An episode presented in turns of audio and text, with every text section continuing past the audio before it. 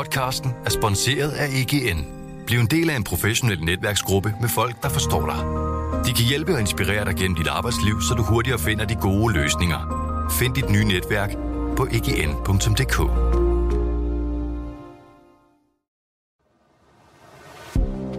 Du lytter til Dine Penge. Et program om privatøkonomi, der hjælper dig med alt fra dit første boligkøb til situationen på aktiemarkedet. Din vært er Stefan Sinkali. Velkommen til Dine Penge. Podcasten, hvor vi prøver at gøre dig lidt klogere på, hvordan du skal gribe din private økonomi an. Vi danskere investerer ikke så pokkers meget i aktier. De af os, der gør, investerer heller ikke i så mange aktier. Forskning viser, at to ud af tre danskere kun investerer i en enkelt aktie, og i gennemsnit investerer vi i knap to. Der har været skrevet og sagt meget om den manglende aktiekultur herhjemme, og den aktiekultur, der er opblomstret i Sverige. Det skulle være løgn, tænkte Brian Mikkelsen, da han i 2017 lancerede ideen om aktiesparekontoen. Aktier skal være folkeeje. Sådan sagde han, da den blev lanceret, og målet var, at aktiekulturen skulle skabe en interesse for de danske virksomheder. Midlet var den såkaldte aktiesparekonto med en lidt lempeligere beskatning. Den blev så en realitet ved årsskiftet, og nu dykker vi ned i, hvordan den reelt set fungerer, og om man overhovedet bør give sig i kast med den. Til at hjælpe os med at gøre os lidt klogere på det, har jeg inviteret økonomiprofessor Michael Møller ind i studiet. Velkommen, tak. Tak for det. Ja, du var jo også inde i første sæson, men øh, den her gang skal vi så snakke om aktiesparekontoen. Kan du måske starte med kort at forklare, hvad, hvad den konkret er? En aktiesparekonto er en særlig konto, hvor du kan indbetale op til 50.000 kroner og investere dem i aktier. Og så er der den særlige regel, at afkastet af disse penge, øh, det bliver kun beskattet med 17 procent. I stedet for, hvis du selv investerede i aktier, skulle de beskattes med enten 27 procent eller med 42 procent. Så der kan være en beskeden skattebesparelse ved at skyde ind. Mm. Og hvad, tanken var jo, at, at tingene skulle blive enklere for den almindelige dansker, og at det skulle tilskynde til større investeringer. Er, er tingene blevet enklere? Altså jeg vil sige, jeg vil fraråde enhver at bruge tid på overhovedet at sætte sig ind i denne ordning, fordi mm. hver gang man får nye valgmuligheder, så bliver tingene mere komplicerede. Så man skal ofte fravælge ting. Mm. Og her kan man sige, du kan kun investere 50.000 kroner. 50.000 kroner er, undskyld, jeg siger det, et meget beskeden beløb. Det, der er tale om, at det er afkastet af disse penge beskattes med 17 procent i stedet for 27. Jamen, hvis du får et afkast på 5 procent, så er det 2.500 kroner. Så skal, sparer du 10 procent af det, det er 250 kroner om året. Og så skal du have et depot, som let kommer til at koste 200 kroner. Så det her, det er småpenge, og jeg ville ikke bruge tid på det. Men så hvorfor har politikerne så overhovedet brugt tid på at etablere en sådan ordning? Ja, man kan jo ofte sige, at øh, kender det gamle med, at en kamel er en hest tegnet af en kommission.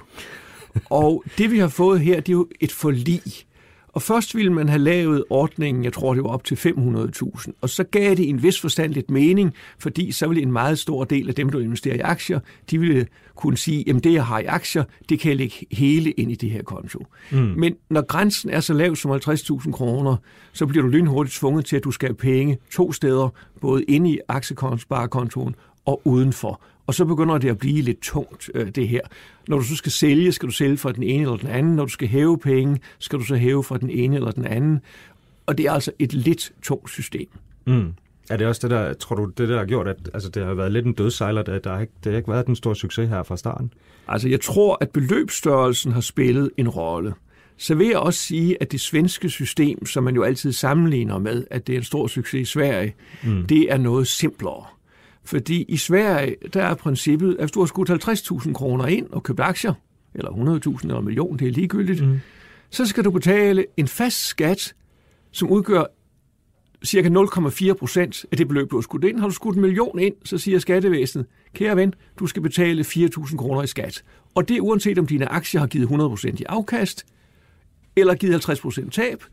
Det er dit problem, hvordan du investerer pengene. Vi skal bare have 0,4 procent hvert år, øh, og så er vi tilfredse.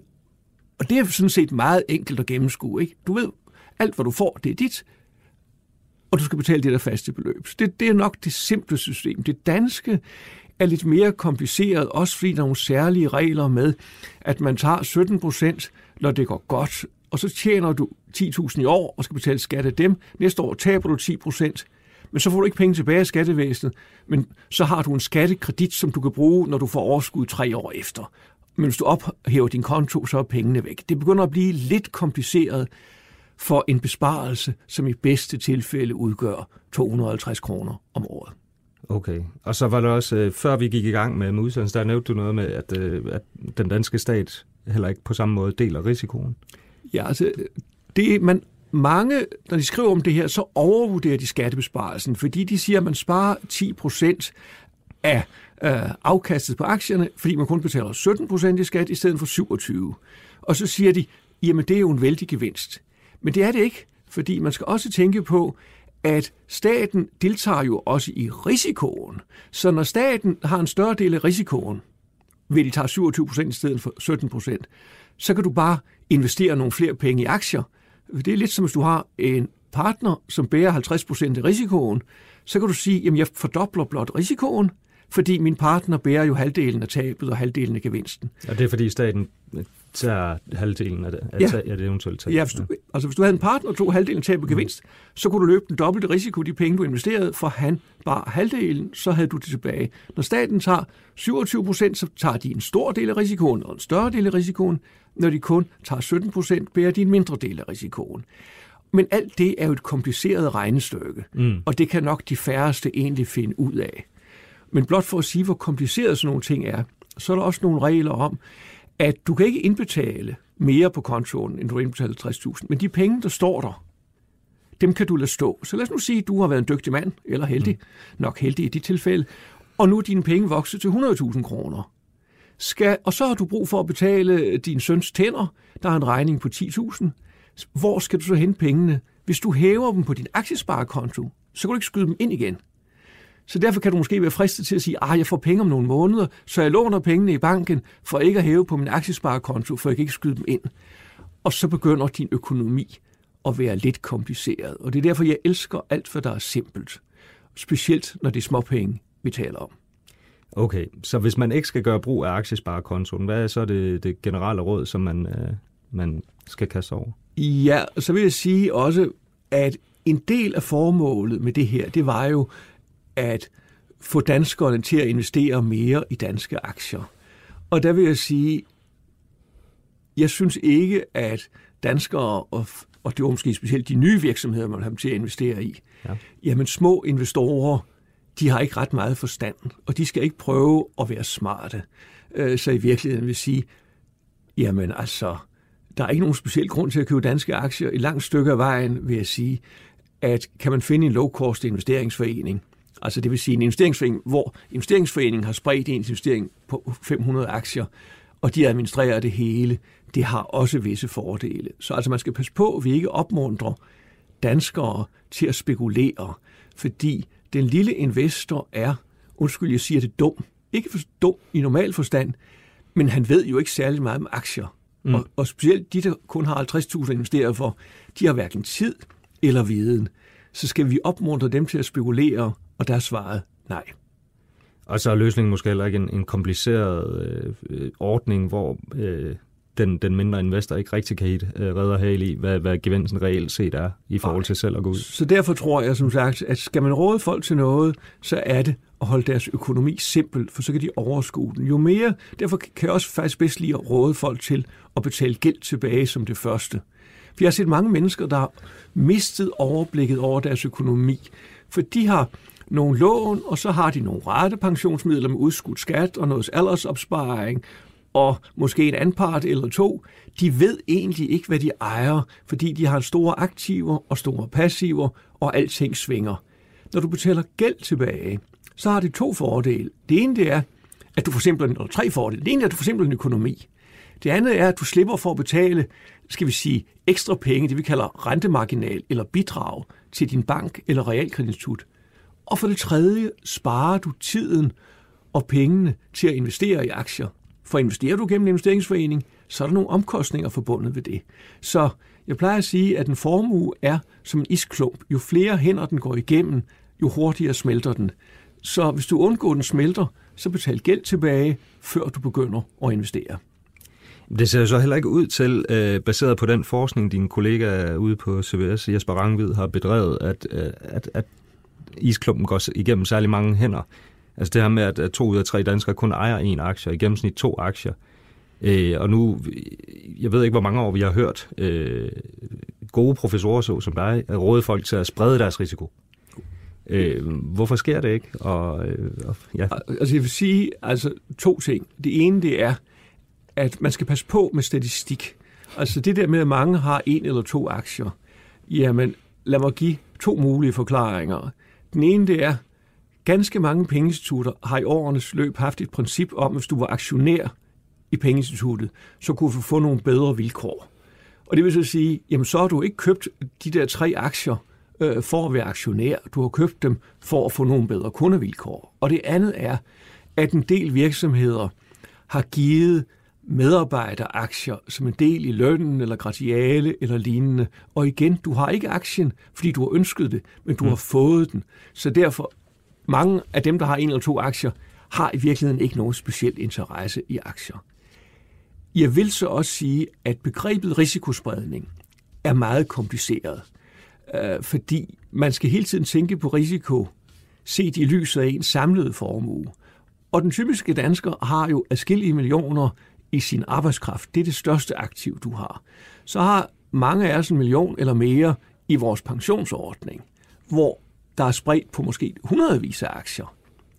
Og vores ATP, så og vores hus. Så der er mange ting, der indgår. Så derfor, man skal ikke fokusere på de 50.000, man selv har investeret i aktier og sagt, at jeg må sprede risikoen på 20. Man skal tænke på, de 50.000 kroner, det er en 1% af, hvad jeg ejer totalt set. Så selvom jeg mister dem, så er det ikke noget stort tab. Så altså, risikospredning er et kompliceret begreb. Så man kan sagtens bare købe dem efter en kryptovaluta? Nej, jeg vil sige, det er bare dumt. Øh, så derfor, kryptovalutaer vil jeg holde mig fra. Øh, så for private vil jeg faktisk sige, hvis du har så relativt små beløb som 50.000 kroner, det er egentlig ikke mere, end hvad man har brug for, for at have en finansiel reserve til de ulykker, som kan ramme os alle sammen. Så vil jeg faktisk sige, lad dem stå i banken, for du får en sjofelt høj rente. Og nu ved jeg godt, at folk siger, jamen man får nul rente. Jamen nul i rente er ufatteligt godt i en verden, hvor pensionskasser og virksomheder, hvis de sætter penge i banken, så skal de betale en halv procent for at have dem stående i banken. Så den lille og dumme kunde får faktisk tilbudt bedre vilkår end de professionelle investorer. Så 0% rente, det er faktisk et dejligt tilbud. Derfor er banker heller ikke specielt glade for folk, der har for mange penge stående i banken. Så langt stykke af vejen vil sige, hvis det er små penge, så lad dem bare stå i banken, så har du en finansiel reserve. Og det at have en finansiel reserve, det er en god ting. Jamen Michael, øh, jeg havde egentlig inviteret dig ind for, til en snak om, hvorfor man skulle bruge aktiesparekontoen, og hvordan man kunne bruge den, og det blev så til en snak om, at det skal man ikke. Men uh, tusind tak for de gode råd, uanset hvad.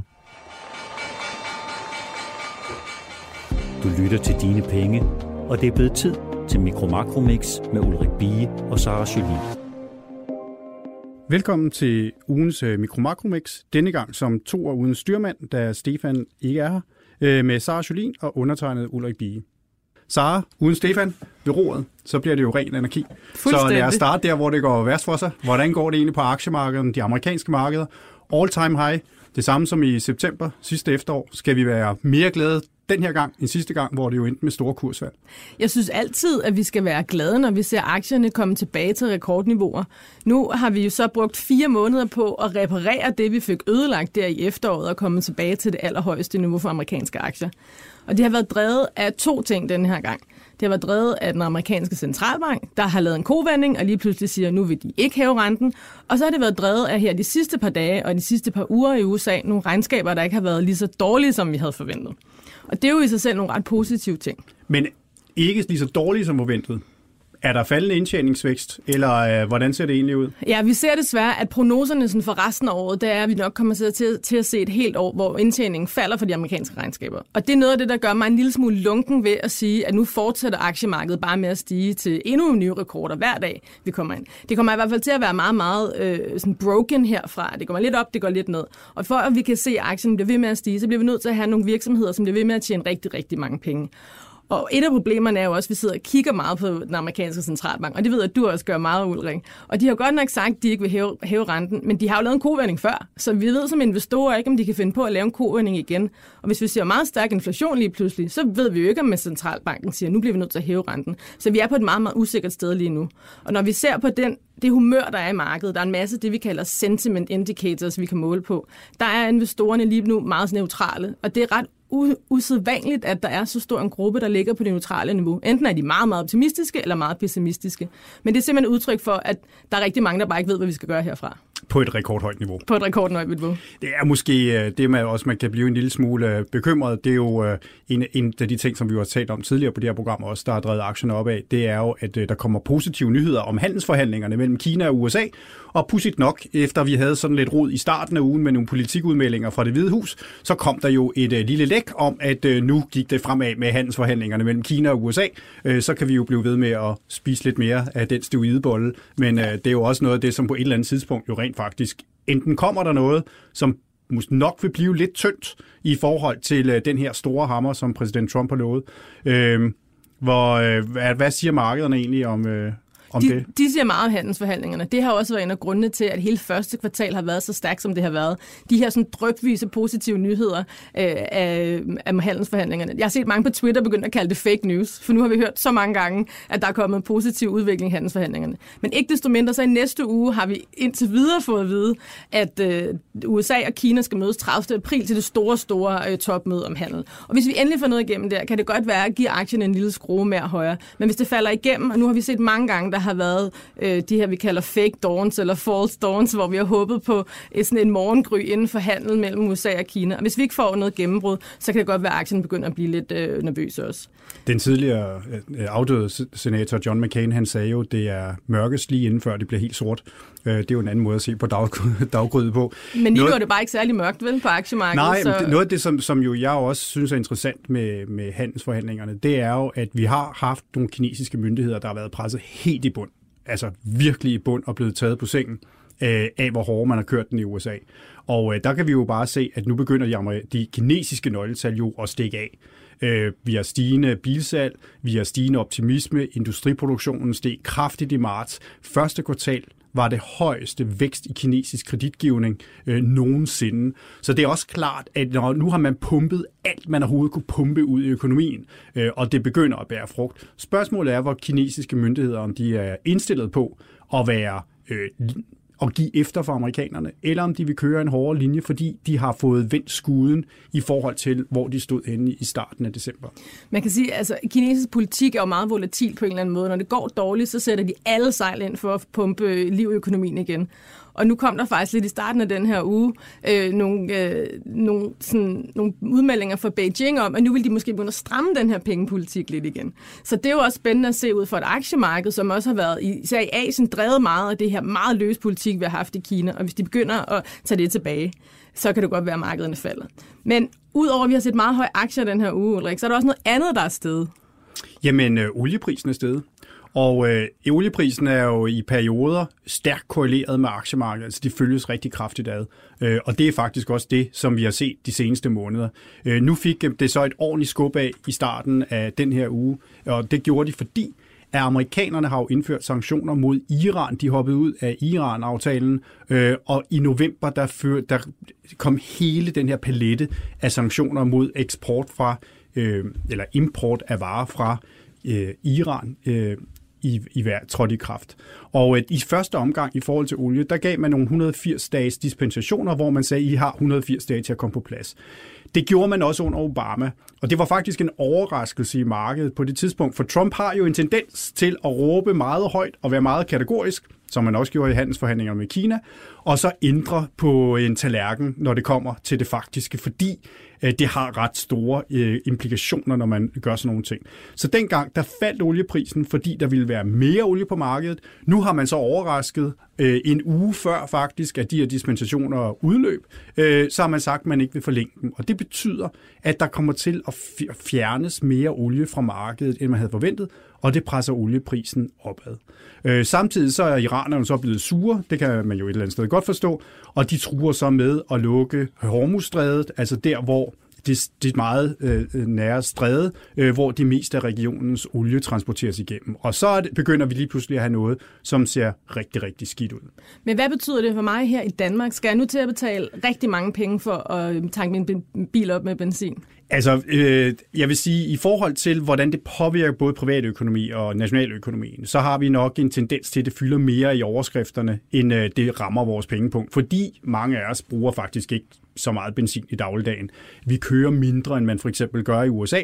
Og så har vi et afgiftssystem, hvor de er meget høje og faste, og det betyder, at når prisen bevæger sig, så den procentuelle øh, ændring i vores priser bliver ikke lige så voldsom. Altså det, det stiger fra 10 til 11, falder fra 11 til 10, men for amerikanerne har det langt, langt større effekt. Der, hvor vi nok skal være mere opmærksom på, at det påvirker os, det er faktisk i vores porteføljer, øh, fordi det kan have nogle effekter.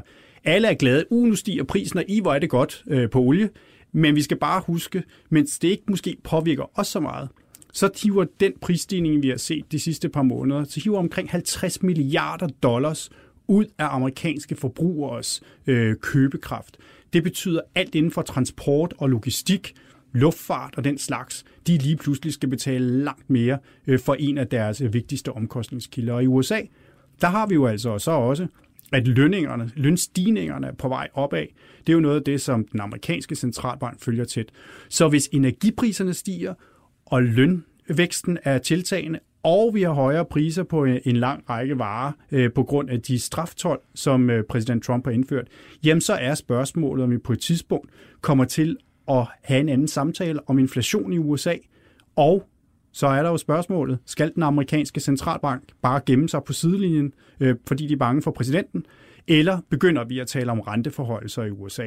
Og så er det lige pludselig en helt anden diskussion, vi igen er ude i i forhold til aktiemarkedet går ud fra. Så, så den her snak, som Trump har med, med aktier og olie, og han vil gerne nu fjerne de her dispensationer mod Iran, det kan faktisk betyde, at centralbanken i USA kommer til at hæve renten, og det bliver dårligt for aktiemarkedet til sidst. Altså det, der er det store problem, det er, at øh, Trump vil jo gerne øh, kontrollere alle priser i verden. Hvis han selv kunne sætte prisen, ville det være nemt, så ville aktierne være i 140.000, ikke? og olien i 20 og så videre.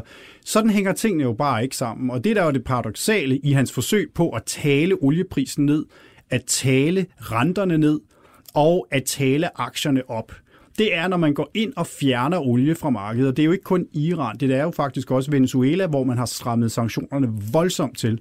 Og det betyder, at man har taget over 2 millioner tønder ud af oliemarkedet på ganske kort tid. Det er langt mere, end den amerikanske produktion er steget. Og derfor så vil amerikanerne hoppe op og ned nede i øh, Riyadh over for sine saudiske allierede og fortælle dem, at de skal øge produktionen ganske kraftigt. Og der er jo faktisk en aftale mellem OPEC-landene om, at man øh, skal reducere, man har reduceret produktionen i forhold til niveauet i oktober, Øh, og øh, det er jo 1. juni, at man skal mødes og tale om, om den politik.